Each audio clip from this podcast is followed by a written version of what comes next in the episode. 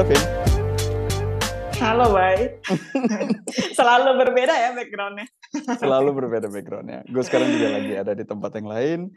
Um, halo semuanya buat pendengar asah diri. Uh, kita di sini ketemu lagi buat ngobrol-ngobrol cerita-cerita tentang pertama tentunya tentang update diri kita sedikit. Gue lagi ada di mana, lu lagi gimana sekarang situasinya.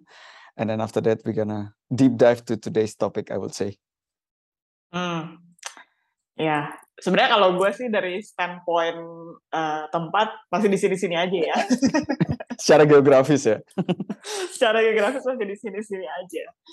Um, ya kehidupan juga berjalan terus.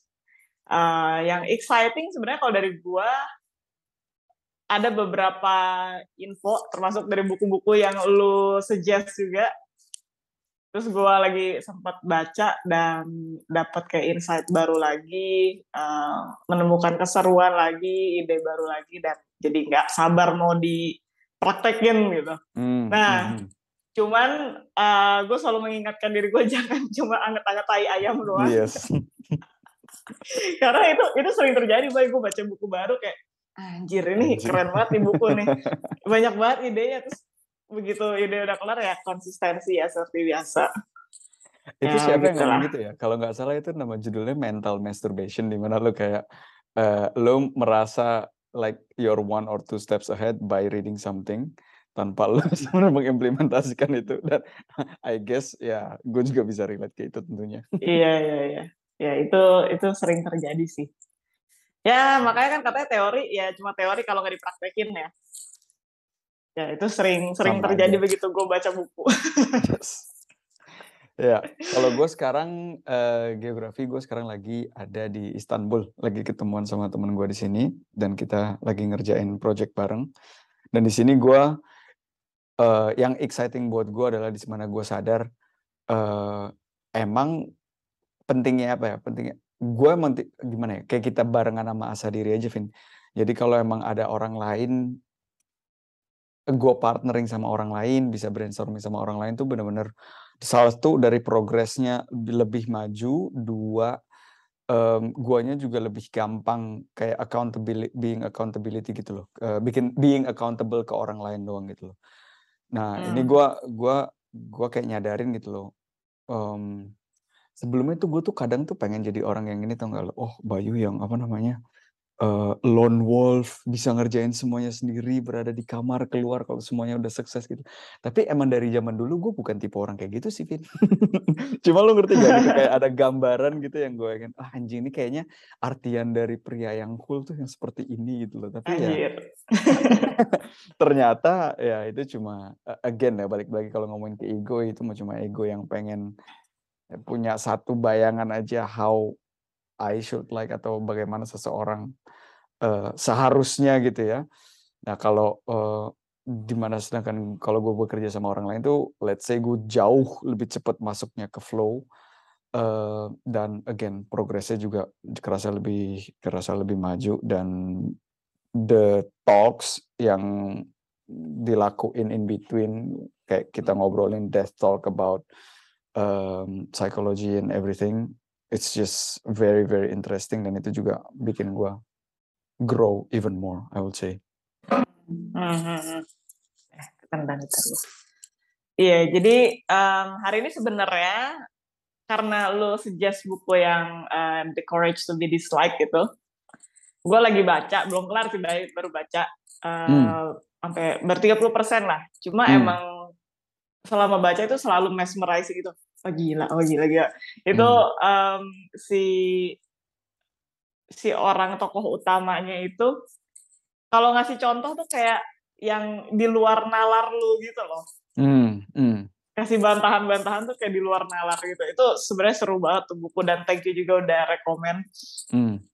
nah sebenarnya mau mau bahas beberapa hal di situ cuma tadi pagi gue melihat suatu berita yang menyedihkan hmm. uh, di Indo, hmm. di mana ada tragedi di Malang.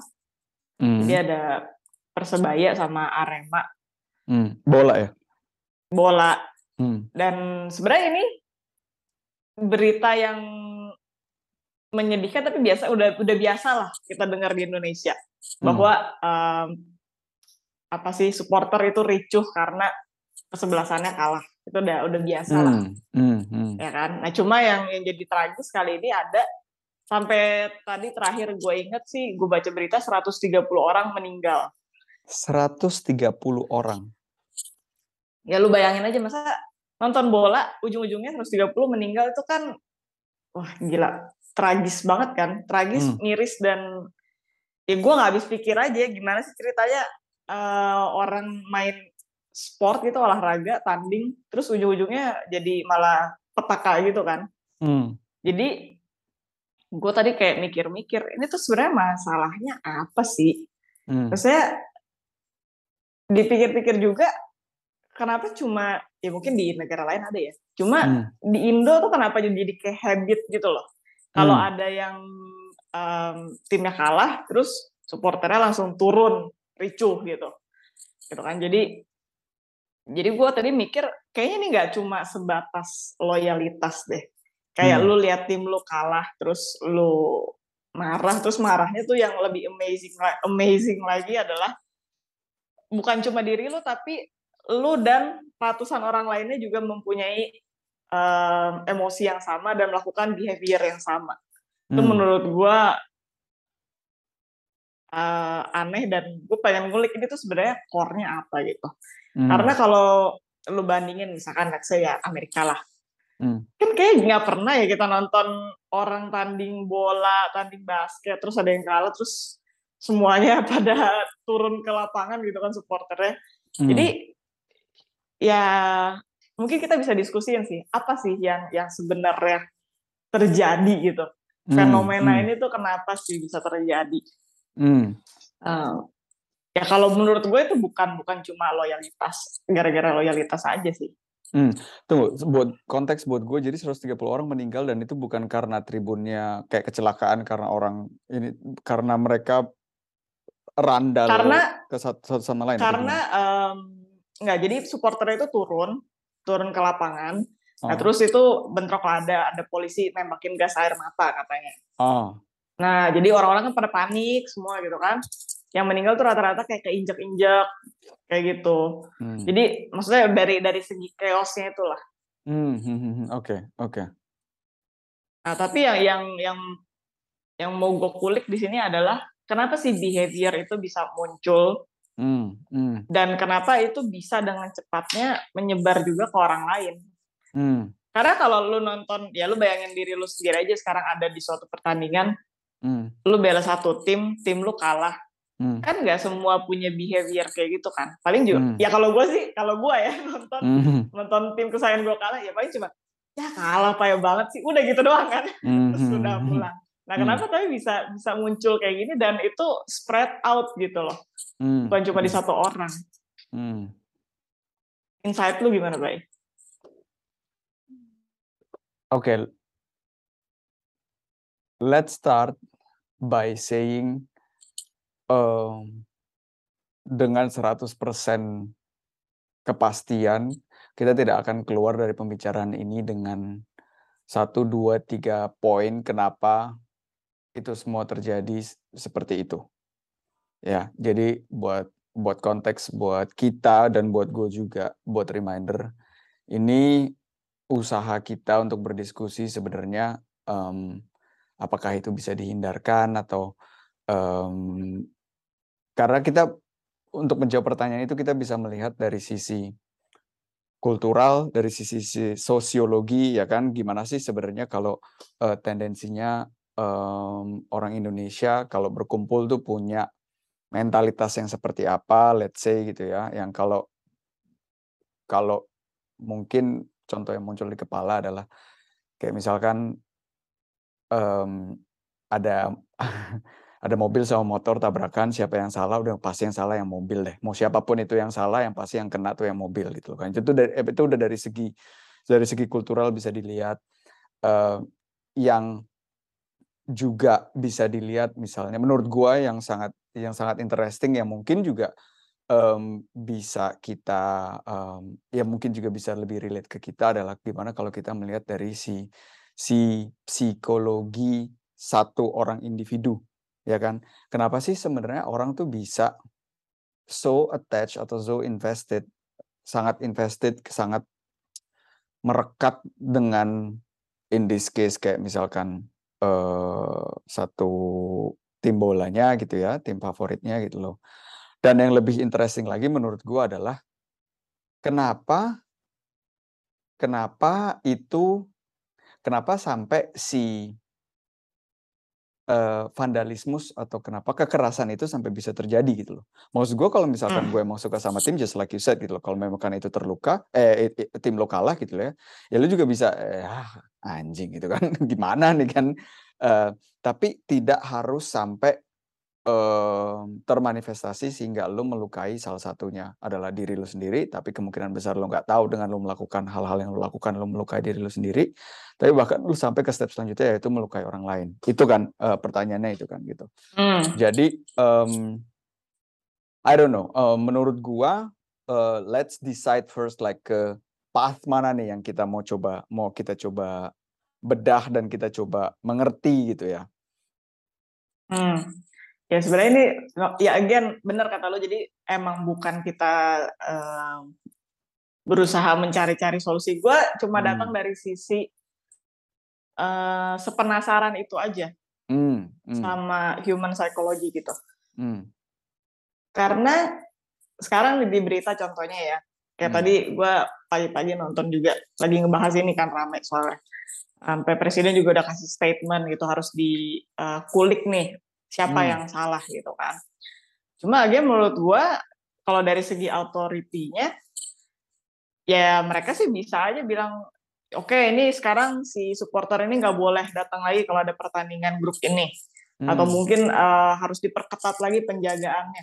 Cuma Hmm. menurut gue itu nggak akan menyelesaikan masalah karena ya itu kayak Jordan Peterson bilang atau Gabor Mate bilang lah itu cuma surface-nya doang. Lu cuma Hmm. menyelesaikan si efeknya doang. Tapi kan Hmm. underlying problemnya apa gitu kan.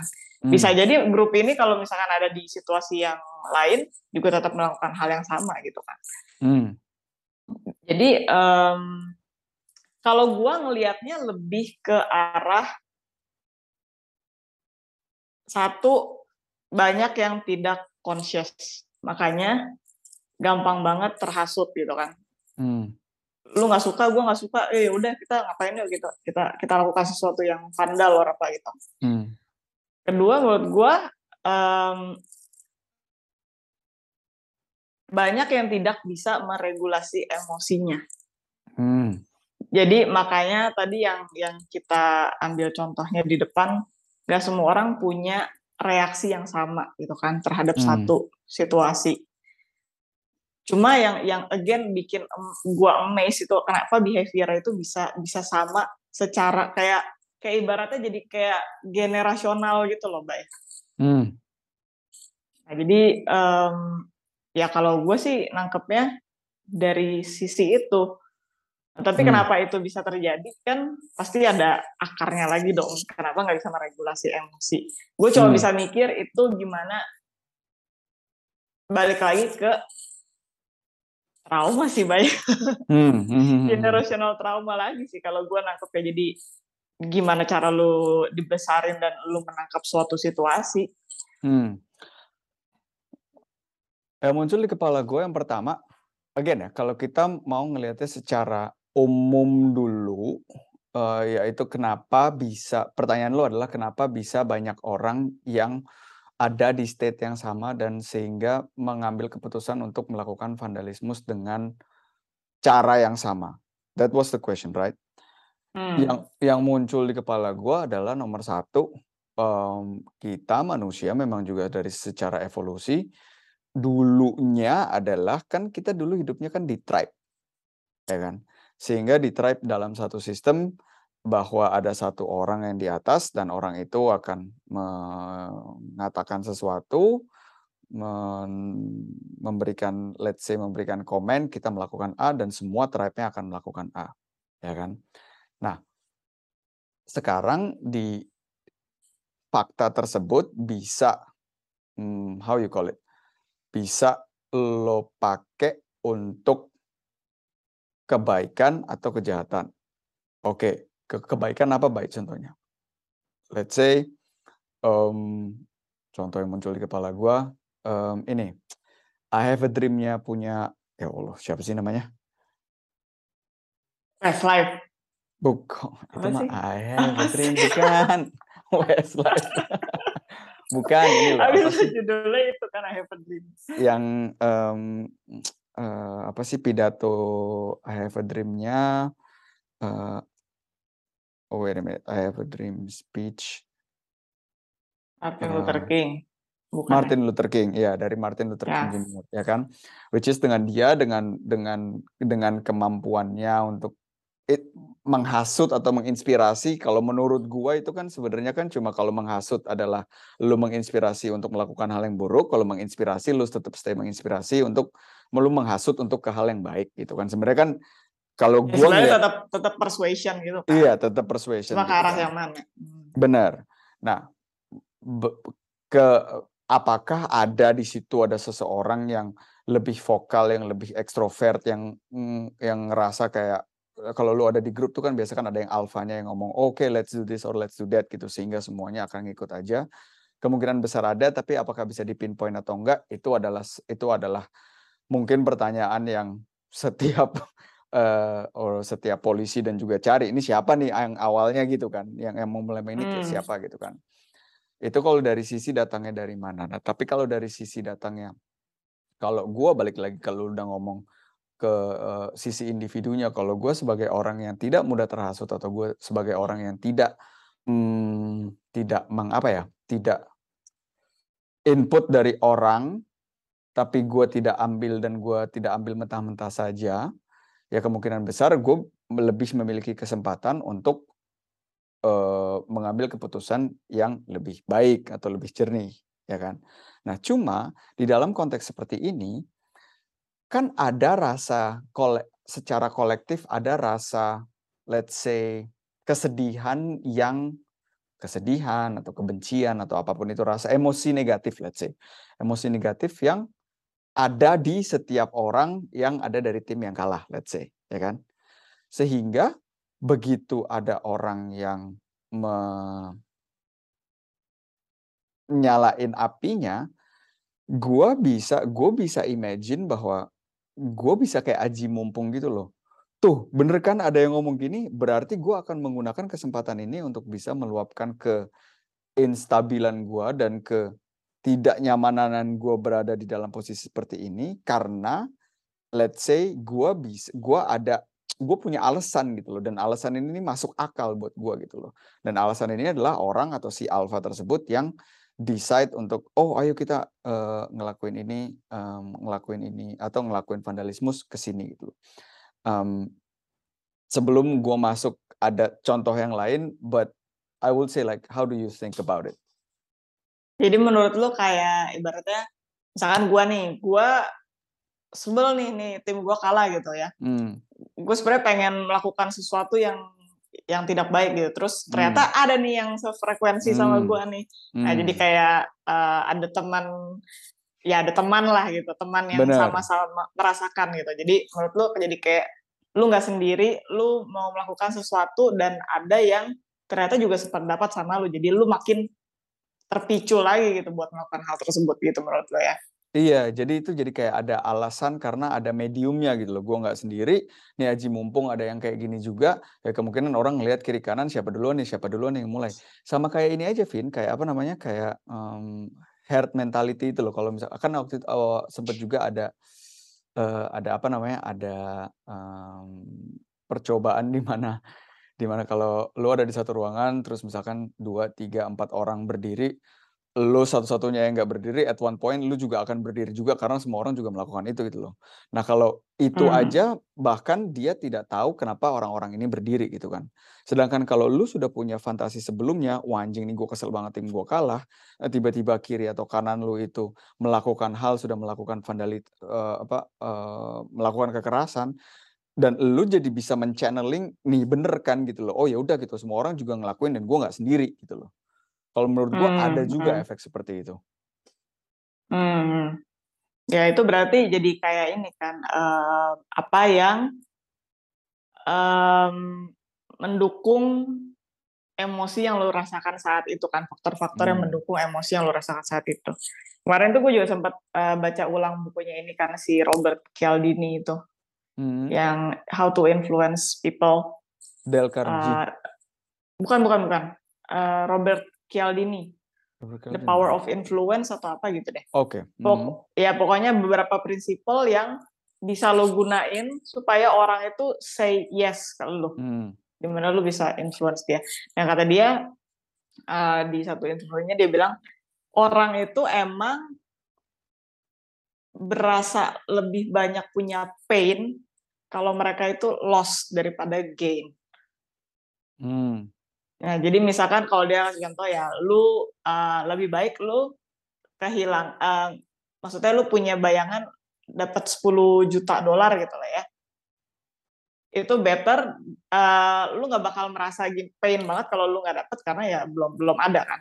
Mmm. Daripada kalau lu udah punya sekarang uangnya $10.000.000 dan lu harus kehilangan itu, itu pain-nya tuh udah berkali-kali lipat gitu. Mmm. Makanya orang paling nggak suka, mmm, feeling loss gitu. Mmm. Dan dia gunain di bisnis tuh ya pakai teknik scarcity kan. Mmm. Kadang-kadang lu nggak bakal, eee, dapet ini, ini cuma ada 5 item misalnya gitu. Mmm. Orang buru-buru deh gitu. Kayak Apple kan juga kayak gitu, gunain pak prinsip itu.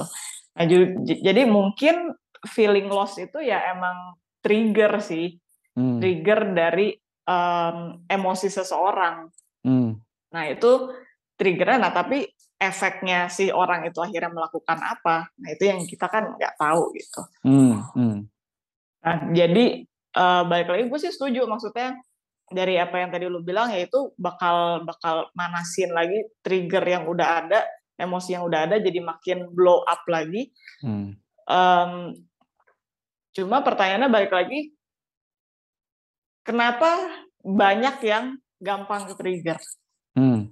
Kalau gua punya punya anak gitu ya, terus anak gua berada di situasi kemarin itu nonton sepak bola. Gua nggak berharap anak gua ke-trigger atau terhasut dan terus akhirnya berakhir di ruang jenazah gitu loh. Mmm. Nah jadi maksud gua, apa yang bisa dilakukan supaya ya walaupun ada yang mancing elu, ada yang, eee, manas-manasin emosi lu yang udah ada. Apa yang bisa lu lakukan supaya si orang ini tuh nggak nggak ter makin ter-trigger dan akhirnya jadi satu trigger kolektif gitu loh. Mmm, Yang akhirnya gua. munculin behavior-behavior yang negatif, Mmm, mmm. gitu. Nah, sekarang kita masuk ke ranah individu nih. Ranah individu dalam artian pertanyaan lo adalah berarti apa yang harus dilakukan gitu kan. Karena again pertanya eee, tadi yang, eee, ini apa namanya, let's say keamanan diperketat dan, mmm, i o orang grup ini nggak boleh masuk ke sini. Let's say itu kan, eee, obat ot ya let's say obat untuk menyembuhkan, mmm, kalau tadi lu bilang ini simptomnya Symptoms-nya saja. lah ya. Ya. Ya, simptomnya saja gitu kan. Nah, sekarang pertanyaannya adalah gimana supaya tidak ke-trigger atau gimana kalau dalam keadaan-keadaan seperti itu, kita tidak terpacu buta-buta saja sehingga membabi buta, mem bahkan mem menyebarkan kesakitan tidak hanya kepada diri kita sendiri balik lagi, tapi ju kepada orang lain.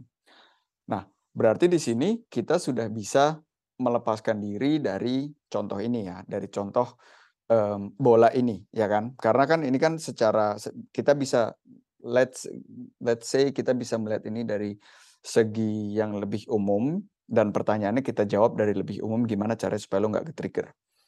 Oke. Nggak ke-trigger dan melakukan kejahatan atau melakukan hal-hal yang tidak baik, buat memperlengkap kalimatnya. Nah di dalam hal di dalam hal yang gue pelajarin satu dan yang kedua, mmm, dari pengalaman gue sendiri, mmm, Jordan Peterson bahkan bisa, eee, bahkan ngasih contoh seperti ini. Kalau kita sebagai sisi orang lain melihat contoh balik lagi ngelihat contoh bola itu, dan kita bilang, "Ah, kalau gue mah nggak mungkin kayak gitu," gitu loh. "Gue mah nggak mungkin, eee, ke-trigger, gue mah nggak mungkin, eee, gue nggak mungkin melakukan kejahatan," gitu loh. Kemungkinan besar kita bisa ngomong seperti itu karena kita tidak di posisi itu. Sama halnya, dia bahkan memberi contoh um, Holocaust, Nazi, hmm. ya. Dia bahkan memberi contoh gitu bahwa semua orang atau mayoritas atau ya mayoritas orang menyalahkan itu ke Hitler dan menyeakan bahwa um, itu semuanya salahnya dia gitu loh. Sedangkan di mata dia atau menurut dia Hitler itu ada di semua orang. Hmm, sisi benar. sisi buruk sisi buruk itu yang lu punya itu itu tuh ada di semua orang. Sehingga kalau lu ngerasa ah kalau gue mah nggak mungkin melakukan itu, probably kata dia nih ya, probably kalau lu ada di kalau lu menjadi prison guard-nya, probably bahkan lu juga akan sampai ke uh, satu kondisi di mana lu akan enjoy itu. Why? Nah, why-nya kan. Nah, sekarang why-nya nih. Why-nya adalah um, yang pertama balik lagi ke again, ini gue berusaha memberikan uh, atau mem-forward apa yang gue pelajarin dari dia. Why-nya adalah satu, again, di saat kita menyadari bahwa kita ada sisi buruk dan sisi baik, bahwa kita adalah dua-duanya itu, dan kita tapi tidak balik ke consciousness lagi, tidak sadar bahwa kita memiliki dua itu, mungkin kita akan lengah sehingga kita akan terbawa begitu saja oleh arus bagaimana perasaan yang muncul ke permukaan. Dalam tanda kutip kita bisa menjadi budak, ya kan? Feelingnya kayak gimana, feelingnya nggak enak gitu. Dan yang kedua yang dia bisa bilang um, di dalam konteks itu kita juga harus melihat bagaimana si individu ini hidup di dalam kesehariannya. Mungkin di dalam kesehariannya adalah balik lagi sekarang sorry gue agak sedikit lompat ke sana kemari gue coba untuk ngambil contoh yang lebih relate. Balik lagi keseharian misalkan orang-orang yang tadi nonton bola. Kalau kesehariannya ternyata dia juga merasa bahwa hidup ini adalah suffering yang tidak bisa di let's say tidak bisa di di ini apa namanya suffering yang yang sangat tinggi gitu kan. Sehingga mungkin satu-satunya channeling dia untuk bisa melepaskan semuanya adalah di bola itu, ya kan? Again itu kayak kayak jadi nyambung aja gitu loh, Vin. Jadi kayak apa yang ada hmm. di dalam diri lo itu lo akhirnya mendapatkan channel ke untuk mengeluarkan hal tersebut gitu loh. Dan kalau pertanyaannya kenapa kita ada sisi buruknya, because we are human being, isn't it? Karena yeah, lo yeah, dan gua dan kita juga dan kita juga ada gitu loh pertanyaan gua after this gue pengen ngedenger ini lo juga pendapat lo juga. Pertanyaan yang lebih menarik lagi mungkin bagaimana kita bisa mengembrace kedua sisi tersebut dan melakukan hal secara proaktif untuk bisa sebaik-baiknya lebih ke arah yang satu which is light daripada yang lain? Mungkin itu pertanyaan hmm. Kalau kalau gue nangkepnya berarti ada um, kesimpulan seperti ini. Kalau kalau tadi lo bilang, which is itu poin yang menarik banget bahwa lo bilang ada si channelnya itu kan. Hmm. Dan ya sebenarnya kita semua juga kalau suffer di kehidupan, ya itu kan kita sering bilang kayak bom waktu ya, kapan aja bisa keluar gitu begitu ada hmm. momen yang pas. Pas. ya kan. Nah berarti kalau gue nangkep dari teori tersebut, most of the people yang ada di tempat itu waktu itu, are they suffering? Berarti kan mereka itu rata-rata banyak yang suffered kan sebenarnya. 100% dan I I wouldn't even say dan gue bahkan gue bahkan bisa bilang tidak hanya orang-orang yang uh, getri tertrigger dan melakukan vandalismus adalah orang-orang yang suffer. I will say that everyone was suffering. Like karena hmm. even you, even you and me, like I don't. Ya berarti ininya kan apa levelnya aja kan, suffering-suffering-nya segimana gitu kan. Hmm, hmm. Cuma berarti yang yang amazing berarti orang-orang yang yang waktu itu melakukan si vandalismus itu, berarti kan mereka itu mempunyai tingkat suffering yang tinggi dan gak cuma satu orang dan itu jadi jadi gue ngelihatnya dari sisi yang miris gitu. Berarti banyak dong orang yang punya tingkat suffering sangat tinggi. Hmm. Sampai akhirnya mereka bisa meledak di situ. Nah, di sini mungkin kita mesti ngasih jelasin dulu nih, suffering yang di sini yang yang lo maksud nih like mental suffering, right? Bukan kayak suffering lo nggak Hmm. punya makan atau apa kan. Jadi kayak Iya benar-benar iya emang iya iya. bebannya kan. Eh ya, I mean that is exactly uh, how I think it is juga gitu loh, di mana suffering semuanya suffering, Vin. Cuma pertanyaannya Hmm. adalah apakah lo teridentifikasi lo teridentifikasi dengan suffering lo atau enggak? Karena di saat lo tidak Hmm. terident ter di saat lo bisa melepaskan diri lo dari si suffering tersebut, ya kan? Kon paradoksnya adalah di saat lo bisa menerima bahwa lo lagi suffer, ini kita ngomongin secara umum nih ya, bukan bukan bukan bola, bukan apa nih ya.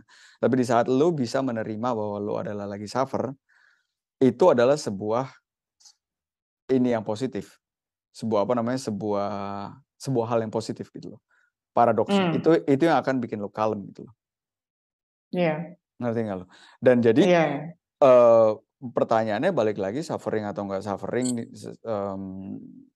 eee, let's say di dalam hidup secara kenyataannya adalah bahwa kita memang harus melakukan banyak hal dan, eee, emosi akan naik, akan turun. Cuma pertanyaannya adalah bagaimana caranya lo bisa mengdesidentifikasikan diri lo dengan suffering atau dengan emosi-emosi yang lo punya, baik emosi yang positif maupun emosi yang negatif.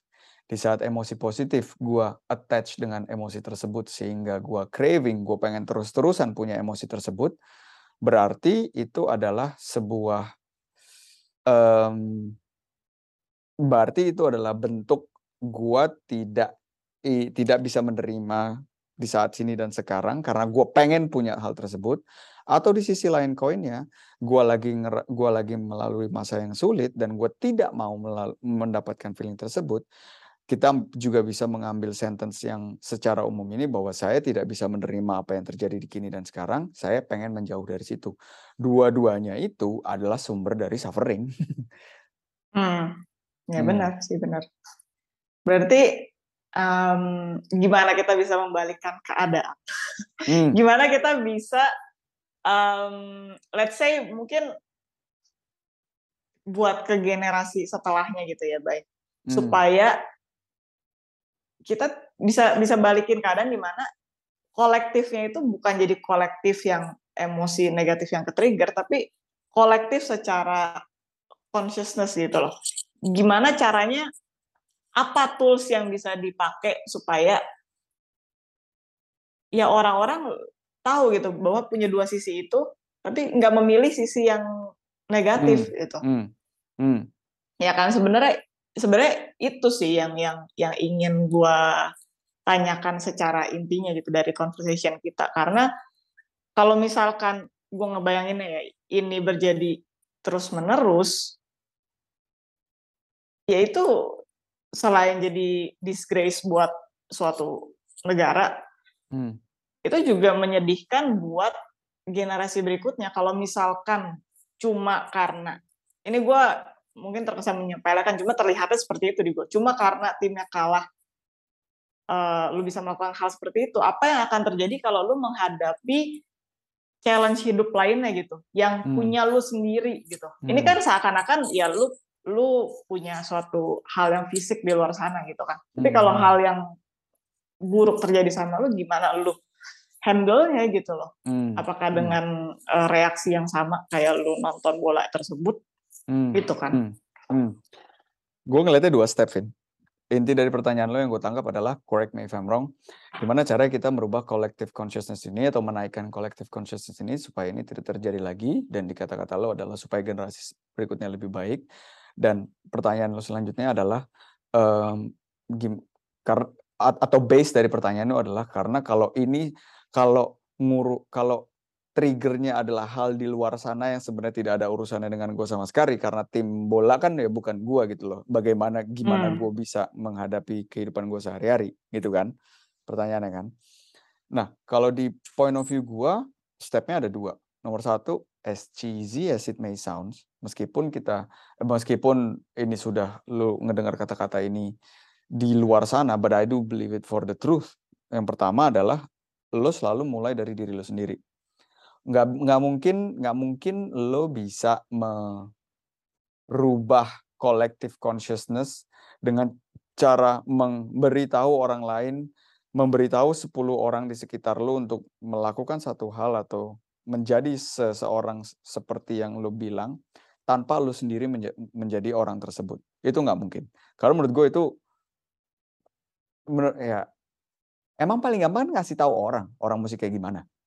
Enak banget lo ngasih tahu. Makanya maksud gue kalau misalkan kayak yang again gua, gua kerja sebagai life coach. Sehingga gue make sure bahwa apa yang gue predigen, apa yang gue share keluar, itu gue lakukan. Kalau karena kalau tidak, berarti gue nih fake, gue nih I don't walk the Hmm. talk gitu loh. Nah, jadi selalu mulai dari diri sendiri. Oke, pertama, bagaimana kita bisa sebagai diri sendiri, pertanyaannya jadi digest. Gimana gue bisa menaikkan consciousness gue, ya kan? Kalau dalam level individunya. Satu, meditasi. Dua, meditasi. Tiga, meditasi. No, I'm just kidding. uh, tapi enggak, I'm not kidding. That's serious. Jadi, uh, pertama yang membantu banget itu adalah uh, let's take the word meditasi dari keluar dari persamaan ini. Yang pertama adalah again, lu yang lu tadi bilang gimana cara kita bisa menyadari ada ini sama ada ini, ya kan? Nah, kalau lu hidup di sini, kalau mata lu di sini terus, lu nggak mungkin bisa ngeliat ini kan? Kalau lu Hmm. ada di sini terus, lu nggak mungkin bisa ngeliat yang ini. Bagaimana caranya? Jadi lu keluar dari sini, lu keluar dari sini, dan lu melihat dari tempat yang lebih tinggi. Nah, ini kenapa juga orang ngomong mungkin uh, kalau ada yang ngomong itu uh, higher self. Lu pernah dengar nggak higher self? Nah, salah satu salah satu point of view gua tentang kenapa itu disebut higher self karena lu literally melihat diri lu dari tempat yang lebih tinggi. Sehingga lu bisa ngelihat, oh gua tuh ada ini dan gua tuh ada ini gitu loh. Oh, gue tuh nggak cuma baik doang atau nggak oh ternyata nih ada banyak hidup tuh kompleks gitu loh dan sehingga gue juga jadi bisa memberikan tempat untuk perasaan apa pun yang sedang lagi muncul ke permukaan tanpa menjadi budak perasaan tersebut. Kenapa? Karena gue punya tempat yang lebih tinggi yang lagi ngelihat aja gitu loh. Oh ya nih, sekarang si Bayu lagi sedih. Oh ya nih, si Bayu sekarang lagi bete banget. Oh ya nih, dia lagi sensitif banget uh, akan rasa amarah karena tim bolanya kalah dan dia taruhan naruh 5 juta duitnya di situ sehingga orang napas kekencengan aja tuh udah nervous banget, udah ngeselin banget buat dia gitu. Banyak gitu kan. Nah tapi dengan gue punya skill, gue bisa naik ke atas dan melihat ini semua, itu akan bisa membantu. Nah, apa praktikalnya? Gimana caranya gue bisa naik ke atas dan masuk ke dalam peran role role of higher self gue, ya kan? Yang pertama, eh, bukan yang pertama, caranya adalah perta ya doh pertama, pertama menyadari dulu bahwa lu butuh bukan ini, lu tuh punya dua role di dalam hidup lu. Pertama, eh, pertama lagi kan, pertama role lu sebagai seseorang yang menjalani hidup yang menjalani literally menjalani hidup ini fisik semua dan yang kedua lo yang sebagai penonton. Nah nonton deh hidup lo. Mungkin itu kalimat yang paling simpel. Coba lu nontonin diri lu aja. Nontonin diri lu as if lu tuh film gitu loh dan semua aspeknya Hmm. tidak hanya tidak hanya apa yang sedang lu lakukan lu tonton tidak hanya lu lagi fitness lu nonton diri lu bahkan lebih interesting lagi lu duduk sehingga dari segi fisikal lu nggak bisa nonton apa-apa literally. Dan lu lu kira lu nggak bisa nonton diri lu? Coba deh lu duduk lu tutup, tutup mata lu. Tonton deh tuh film-film yang ada di dalam pala lu. Mamam tuh. Ah, Iya, ya emang sih baik itu itu em, itu kan sebenarnya ya selama ini kita diskusin juga ya dari mindfulness kan. Hmm. Dan gue bisa bilang itu membantu banget ketika gue suffer, suffer dari Hmm. segala jenis travel ya. Hmm. Karena ya again nggak nggak otomatis terserap dengan apa pun perasaan yang muncul saat itu. Ya kalau perasaan senang bahagia tentunya lu pengen semakin senang dan bahagia ya dan Hmm. terserap di dalam situ ya mostly sih it's okay gitu selama lu nggak mengganggu siapa pun. Tapi kan yang sering kali memang jadi masalah ketika lu terserap di sesuatu emosi yang negatif dan akhirnya itu menguasai hidup lu kan. Hmm. Even jangankan hidup lah, menguasai beberapa jam kehidupan lu ke depan Hmm. itu tuh rasanya udah nggak enak banget. Hmm. Dan ya emang itu sesuatu yang esensial menurut gue tapi harus banget dipraktekkan. Hmm. Dan gue punya satu satu pandangan lagi. Kadang gue mikir kan gitu ya. Kalau ngomongin eh, negara Indonesia gitu, kita kan negara yang kulturnya juga masih kental, em, religiusitasnya juga kental gitu kan. Eh, sila pertama aja ketuhanan yang Maha Esa gitu kan. Nah jadi kadang gue mikir juga, jadi sebenarnya tuh agama tuh harus diapain sih sampai sampai orang-orang tuh bisa bertindak sesuai dengan agamanya. Karena menurut di mata gue agama itu kan semua menunjukkan kebaikan gitu kan, Hmm. mengajarkan kebaikan. Em, tapi sayangnya kenapa kok tindakan-tindakan seperti ini masih bisa terjadi gitu? Hmm. Nah kalau gue nangkepnya, mungkin balik tadi ke opening kita soal update hidup kita masing-masing. Hmm. Karena menurut gue teori ya cuma teori aja kalau nggak diimplementasiin. Hmm. Hmm. Lu mau belajar agama tiap hari di sekolah gitu, ya, lu dikasih pelajaran agama sampai lu SMA. Kalau itu cuma masuk kiri keluar kanan aja, yang nggak ada efeknya gitu loh. Di Hmm. mana di mana lu akhirnya bisa melihat yang baik dan yang baik dan benar itu kayak apa gitu. Hmm. Hmm. Jadi, mmm, gua pertanyaan gue selanjutnya adalah kalau secara sistem nih, Bay, Hmm. secara sistem buat kayak anak-anak kita berikutnya gitu. Hmm. Kalau dari pandangan lu, apa sih jadi yang mesti dilakukan selain tentunya gue setuju banget sama apa yang tadi lu bilang ya, mulai dari diri sendiri itu tentunya ya emang itu poinnya gitu. Hmm. Cuma Hmm. kalau kita udah ngomongin sistem dan pengen bangun ini sebagai sesuatu yang bisa kita turunkan terus-menerus gitu, Hmm. apakah itu mulai dari sekolah? Kalau iya apa sih yang yang mesti diajarin gitu di sekolah? Apa itu mesti mulai dari circle terdekat which is biasanya orang tua? Hmm. Apakah orang tua juga ternyata banyak yang tidak conscious sehingga mereka juga pun tidak bisa mengajarkan gimana caranya meregulasi emosi, memilih yang baik dan benar. Hmm. Gimana gitu loh, Bay. Hmm. Kalau nggak gue tuh kebayangnya kayak jadi jadi pesimis gitu loh kalau nggak ada Ngerti yang gua. bisa kita pegang gitu kan. Ngerti gua. Mhm. Oke, berarti ini kelanjutan bukan berarti. Hmm, pertanyaan ini adalah pertanyaan kelanjutan yang tadi, which is yang tadi juga udah ditangkap em, setelah dari diri sendiri, terus bagaimana untuk menyebarkan ini ke selanjutnya? Apakah mulai dari circle kita dulu atau gimana gitu kan? Karena untuk melihat dari kolektif, dari secara kolektif, secara eh, Indonesia kan sangat besar gitu ya. Let's say nggak semua orang akan bisa masuk ke peran dan merubah sebuah sistem. So what is it that we can do right here right now, right? Now, um, allow me to finish uh, kalimat yang tadi dulu. Jadi yang pertama itu adalah dari mindfulness dan sekarang setelah gua bisa melihat diri gua dari tempat yang lebih tinggi, gua akan bisa lihat dan ini gua mengoversimplify. Gua tahu gua mengoversimplify hanya untuk supaya kita bisa menjelaskan gambarannya dengan lebih baik ya. Ada baik, ada jahat. Nah, sekarang ada baik, ada buruk. Nah, sekarang pertanyaannya adalah bagaimana hmm, bagaimana saya step selanjutnya apa setelah saya mengetahui, ya kan? Step selanjutnya adalah kita masih di dalam level individu ya. Step selanjutnya adalah kita harus punya yang namanya keberanian. Keberanian itu untuk apa sih? Keberanian untuk mengambil hal yang untuk selalu memilih keputusan yang baik. Keberanian untuk menjauhkan diri dari hal yang buruk. Bukan itu, Vin, sebenarnya kalau menurut gua. Keberanian untuk mengambil keputusan. Itu aja. Karena siapa bilang siapa bilang lu tahu mana yang baik, mana yang buruk? Siapa bilang lu punya kejelasan itu? Dan balik lagi, pun menurut lu lu tahu ini yang baik, siapa yang bilang itu adalah kebenaran yang ultimatif? Nggak ada yang tahu kan?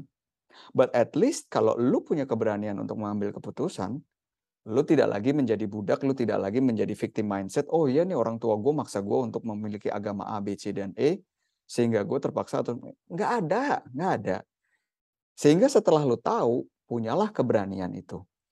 Memiliki keberanian ini bukan satu hal yang trivial karena di saat lu mengambil keputusan, semuanya tiba-tiba jadi tanggung jawab lu toh. Apakah ini baik atau buruk nanti belakangnya outputnya apa, semuanya ini akan menjadi salah lu. Nah, sebenarnya sebenarnya keputusan yang ketiga adalah tidak mengambil keputusan itu adalah sebuah keputusan juga. But we talk about this di dalam ini yang ini yang sebelumnya. Jadi lu bertanggung jawab akan keputusan atau tidak dalam keputusan lu tuh udah 100% gitu loh. So why don't you do it consciously?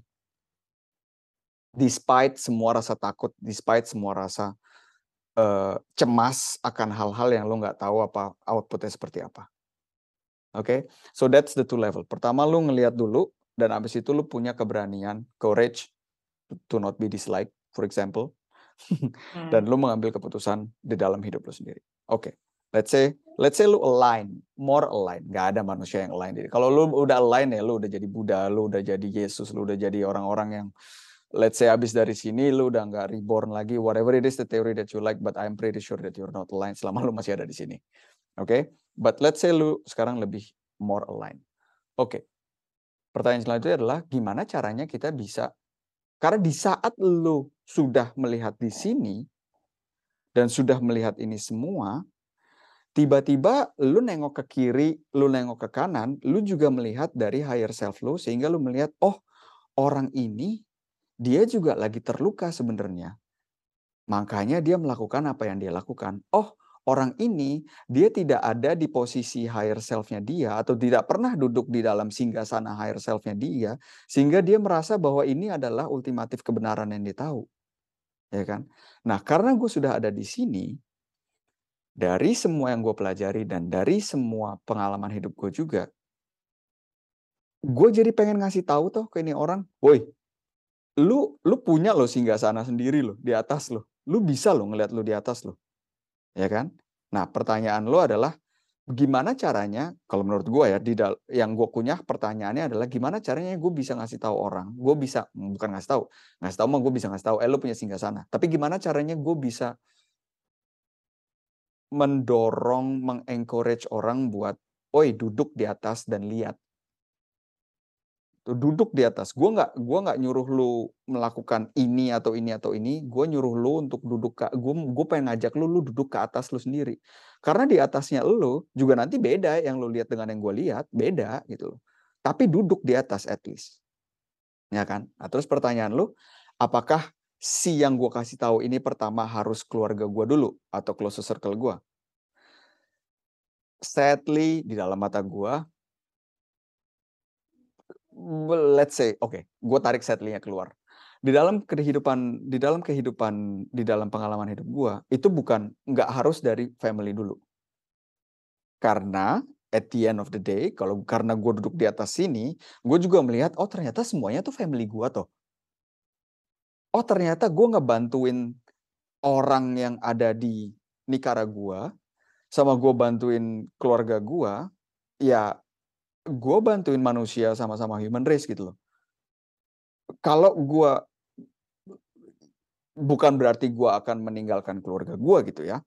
What I mean is, terkadang gue ngomong dengan intensitas yang sama, tapi keluarga gue misalnya masih batu, tapi sudah ada seribu orang lain yang terbantu oleh gue, apakah gue menjadi anak yang durhaka karena gue tidak berhasil untuk memberikan satu hal yang baik kepada keluarga gue?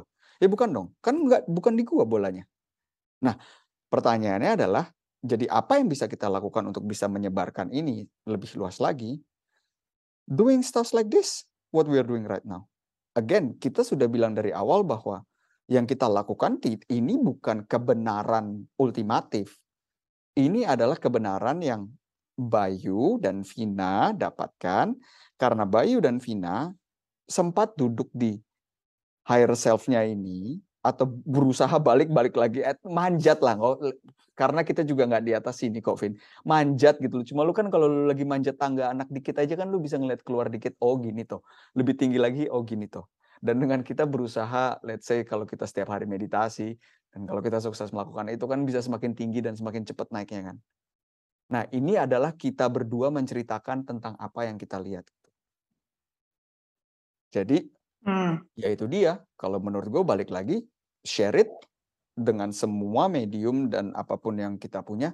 Apakah itu dari meja makan malam bersama keluarga, apakah itu dalam bentuk podcast seperti ini, apa pun yang lo ini. Karena at the end of the day juga nggak ini kok.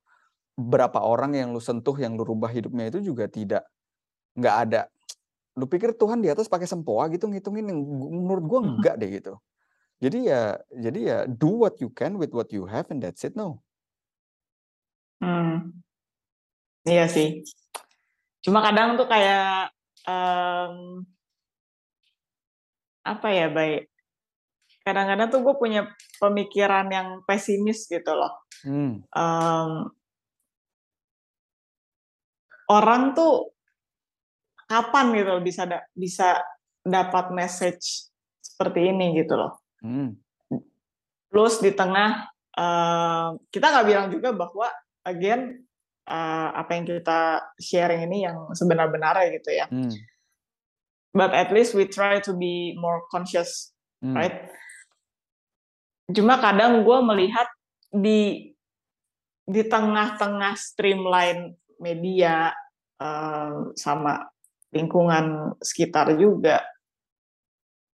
Kayak kesempatan untuk menyebarkan ini tuh consciousness ini tuh sangat masih kayak masih tenggelam gitu loh baik. Hmm, Jadinya makanya um, kadang tuh gue mikir wah ini kalau misalkan gue punya anak ntar um, anak gue besar gimana ya dunianya dia gitu. Hmm, hmm.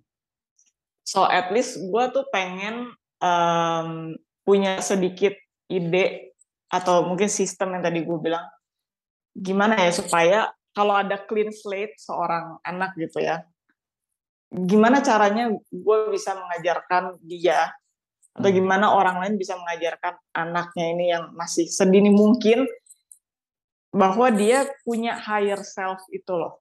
Hmm. Karena kalau kita sekarang ngomong ini dan ini didengarkan oleh orang-orang yang mungkin udah dewasa gitu ya, mungkin itu lebih lebih bisa dicerna gitu ya. Hmm. Cuma kalau kita ingin mengajarkan itu kepada seorang anak, menurut gue makanya parenting itu luar biasa susah. Karena kalau parentsnya aja nggak conscious, hmm. ya again kata Gawar Mata ya udah nih generational trauma aja udah turun menurun terus gitu. Hmm, hmm, hmm. Suffering itu ya udah diturunin aja terus menerus kan. Yang hmm. miskin berasa terus miskin sampai anak-anak cucunya gitu. Uh, dan nggak bisa lepas dari situ, mengidentifikasikan dirinya ke situ. Jadi um, sebenarnya ya balik-balik lagi, ini lebih kayak concern gue pribadi aja sih hmm, hmm, untuk hmm. menghadapi dunia ke depannya gitu. Karena hmm. um, gue pun ya dengan kita bangun rasa diri ini itu membantu gua banget untuk menghadapi challenge-challenge yang ada di hidup gua gitu. Hmm, hmm. Um, belakangan gue juga mengalami loss yang luar biasa besar yang enggak yang gue cuma cerita dan diketahui oleh orang-orang terdekat gue aja. Hmm. Dan gue ngebayangin kalau gue nggak conscious, nggak mengenal apa itu mindfulness, hmm. itu gue sih hancur sih bayi mungkin.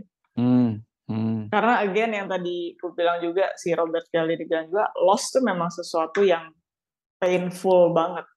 Hmm. Apalagi kalau itu sesuatu yang sangat berarti buat lu gitu. Hmm. Dan hmm. itu kadang-kadang bisa kalau gabor mate again um, kadang-kadang loss itu juga bisa akhirnya menjurus ke arah adiksi kan, adiksi hmm. apa pun itu. Hmm. Hmm. hmm. Jadi ya ya sebenarnya semua yang lu bilang itu ya memang menurut gue itu juga itu satu-satunya cara hmm. satu-satunya cara cuma ya gimana supaya itu menjadi suatu sistem yang lebih visible aja gitu loh. Hmm, Kalau hmm. misalkan hmm. kita ngomongin balik lagi ke agama, agama kan udah ada ratusan tahun lah. Hmm. Dan kita di sekolah juga diajarin agama gitu. Itu kan sebenarnya hmm. suatu tools gitu kan. Hmm. Nah, cuma tools yang baik juga karena itu mengajarkan uh, cara berperilaku supaya ya again tadi memilih yang benar dan antara benar dan salah itu gimana caranya, gimana caranya bersifat lebih baik, membagikan kindness kepada orang lain gitu kan. Hmm. Cuma kenapa kenapa itu tidak tidak bisa berfungsi gitu loh. Itu loh kadang-kadang yang gue mikirnya itu loh. Hmm. Kenapa masih ada perang? Kenapa masih ada hmm. orang bunuh satu sama lain kayak gitu? Itu kan sesuatu yang jadi kontradiktif ya dari apa hmm. yang kita ajarkan dari kecil dan hmm. apa yang kita lakukan gitu. Hmm. Tiga poin nih, Vin. Let's get ready ya. pertama nih, pertama nih. pertama yang pengen gue share adalah um,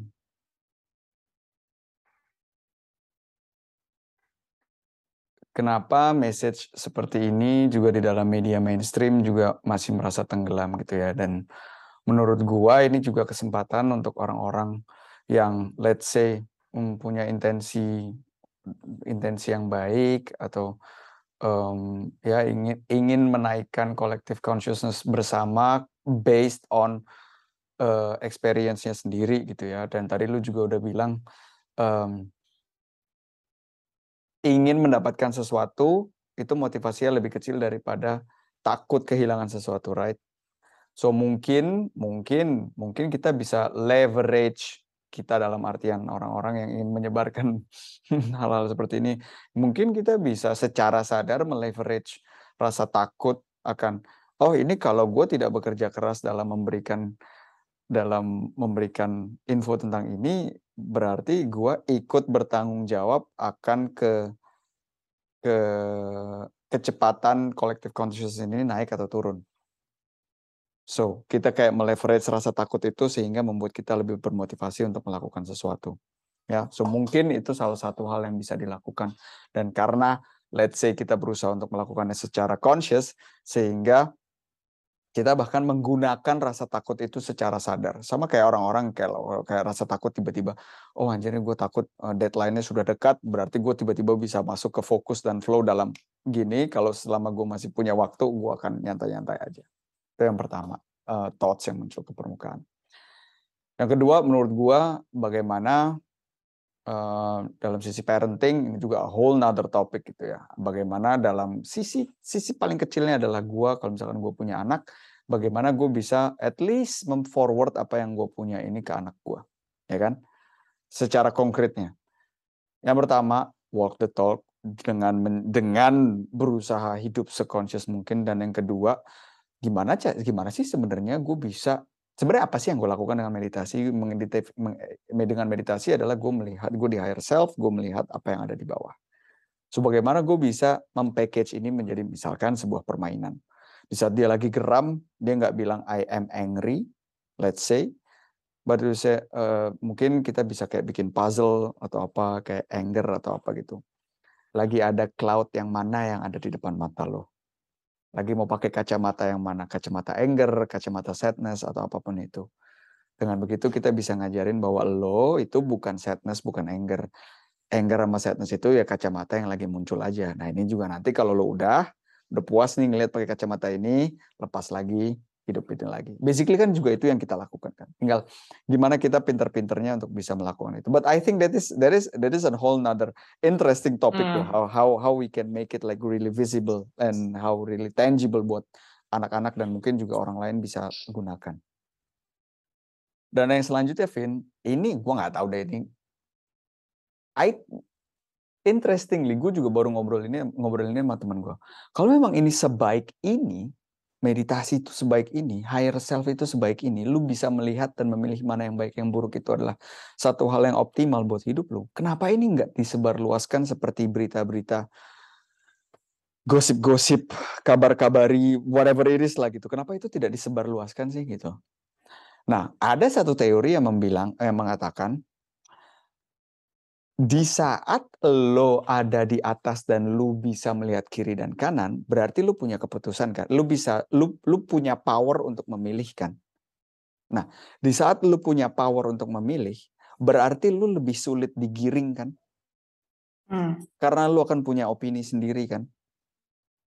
Nah, what if ada orang yang menyalahgunakan kuasa, ada orang yang melihat ini semua dari atas dan memilih secara sadar untuk melakukan hal-hal untuk uh, profit dia sendiri sehingga semua yang dia lakukan adalah make sure orang-orang ini tidak naik ke tangganya untuk melihat kiri kanannya sendiri melainkan balik lagi ke yang lu bilang motivator yang paling gede itu adalah loss. Kalau di gua gue break it down ketiga fear guilt and shame. Itu adalah tiga hal yang akan itu let's say vibransinya yang paling rendah, gimana caranya gue sebagai orang yang di atas supaya gue bisa menggiring orang-orang di bawah ini melakukan ke kayak domba gitu kan. Dan yang bisa gue lakukan adalah gimana caranya gue bisa memberikan fear, guilt, and shame kepada mereka sehingga mereka tidak naik ke anak tangga. Sehingga gue bisa bisa bisa menggiring opini, let's say. Makanya semua yang hal yang lo lihat itu adalah semua hal yang kita lihat di TV media adalah semua yang jelek-jelek. Ya kan? Karena itu juga satu yang paling menjual, kedua itu nge-trigger primal primal ini lo bahwa survival mode lo ya kan karena dulu begitu lu rasa takut begitu lu ada di survival uh, lu lu jadi ngerasa oke okay, gue dapat berita ini besok gue harus lebih tahu lagi tentang keadaan dunia karena kalau enggak itu bisa menjadi uh, itu bisa menjadi satu hal yang uh, bisa mengganggu survival gue gitu loh sehingga gue akan terus mengkonsumsi itu terus mengkonsumsi itu terus mengkonsumsi itu sehingga gue tidak ada waktu sama sekali untuk stop dan naik ke anak tangga gue dan untuk melihat ke kiri ke kanan jadi hmm. jawabannya hmm. untuk ke pertanyaan lo kenapa ini tidak ada di media secara luas ada satu teori yang bilang adalah kalau semua orang bisa melihat kiri kanan dan bisa melihat dengan jelas, mereka tidak akan bisa diatur. Hmm. Terus kenapa kalau nggak bisa diatur? Ya berarti mungkin ada, I don't know, orang-orang di atas sana yang akan kehilangan profit. I don't know. Hmm. Hmm. Iya sih, balik lagi ke kapitalisme ya sebenarnya. Uh, ya, ya.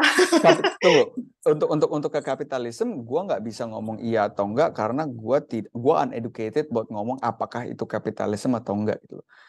Tapi yang gue tahu adalah, again, lu bisa kalau beneran kita mau ngomong, let's say, nyerempet nyerempet gitu ya. Maksud gue di dalam kenapa juga ada konsep surga dan neraka Orang mau masuk surga atau orang nggak mau masuk neraka? Mana yang lebih termotivasi? Orang nggak mau masuk neraka mungkin.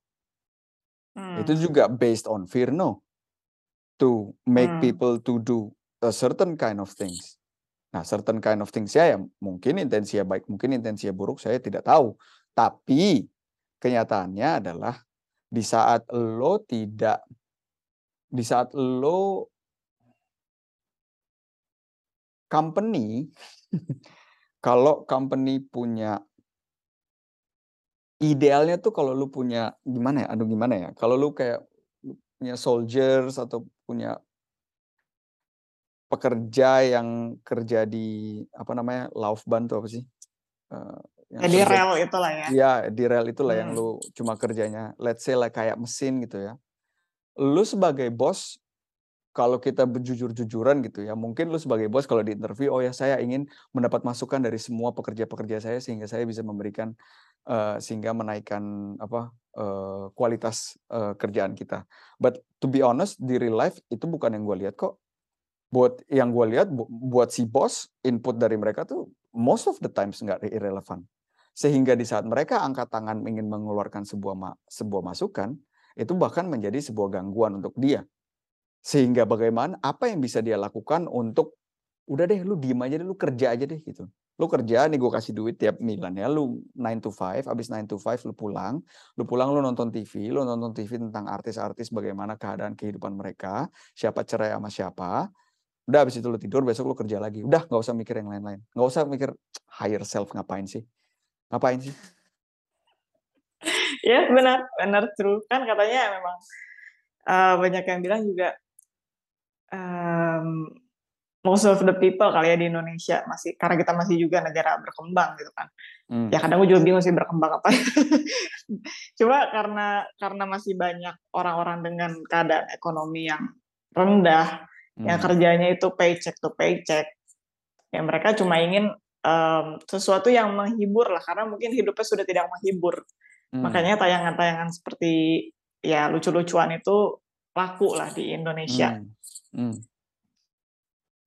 Um, sebenarnya ini nanti juga kita bisa sambungin lagi ada beberapa poin yang ada di buku Courage to be Disliked itu sih baik. Hmm, hmm. Gimana caranya ketika orang sudah tahu dan punya kesempatan bahwa oh ada loh yang namanya higher self ini, gue hmm. bisa lo pegang kendali akan hidup gue. Hmm. Kenapa tapi banyak orang seperti yang di buku itu kan pembicaraan antara filosofer dan si anak muda ini kan. Kenapa orang itu susah banget buat berubah walaupun dia tahu ada yang namanya higher self ini. Hmm. Nah itu ya mungkin itu ntar next hmm. episode deh. Aku gak tahu. Panjang, panjang. Itu panjang, itu panjang. Ya, ya, ya. Ya, yeah, so yeah, I mean, again gitu loh dengan dengan topik apa yang kita laku eh, dengan kita dengan ya, yang kita bahas hari ini ya tentunya kita berdua um, I'm pretty sure lu juga ngerasain ini ya mm, sedih, ngenes banget gitu loh ngedenger tentang berita berita itu kan. Uh, dan ya, ya cuma cuma bisa berharap again yang kita lakukan atau yang kita ingin capai ya again gitu loh, ingin bukan ngebangunin tapi ya nyobain, "Yuk yuk kita co yuk yuk bisa yuk," gitu. Gimana caranya supaya lo bisa, um, mengambil kendali akan hidup lo gitu loh, mengambil kendali akan hidup lo untuk berani untuk hmm. berbeda dengan orang lain. Balik lagi semuanya nyambung Vin gitu loh.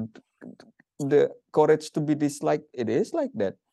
Begitu lu tiba-tiba melakukan satu hal yang berbeda dari lingkungan lu, lingkungan keluarga lu, keluarga lu mempertanyakan lu and yet lu punya empati kepada mereka, tentu saja mereka tidak mengerti apa yang saya katakan.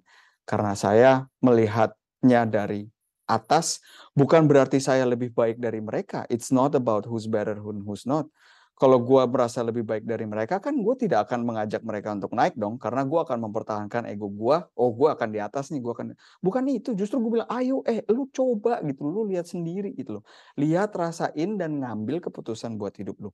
Kalau lu at the end of the day masih mengambil keputusan yang sama, at least you're conscious about it. No. Hmm. That is jadi ya again what I was trying to say is um, um, semoga dengan pembicaraan kita ini ya ya ya itu ya. Balik lagi kita bisa breakdown kita bisa ngasih reminder ke diri kita juga bahwa sebelum sebelum kita tidak terbebas dari segala um, keburukan keburuk potensi keburukan keburukan emosi-emosi negatif dengan kekerasan dan semua itu semua ada di kita. Dan sama juga sentence itu sama berlakunya, kalimat itu sama berlakunya dengan bahwa segala semua kebaikan, potensi-potensi kebaikan, potensi-potensi light di dunia ini juga ada di diri kita. So, hmm.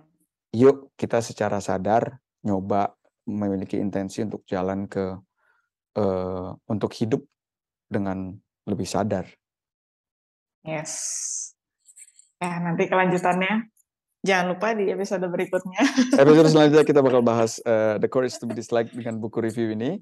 Dan semoga sebelum dari episode itu tidak ada kejadian apa-apa yang mengenaskan di dalam Amin. hidup ini. Yes. Oke okay deh kalau gitu thank you buat teman-teman yang udah dengerin sampai episode kali ini. Kita ketemu lagi di episode selanjutnya. Dah. Bye-bye.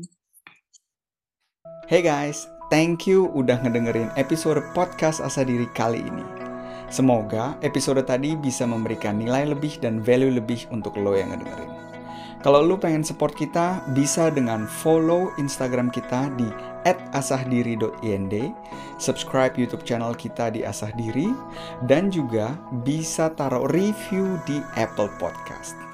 Ingat juga untuk share ke teman-teman kalian dan terus asah diri. Karena berlian tidak bersinar dengan sendirinya. Sampai ketemu di episode selanjutnya.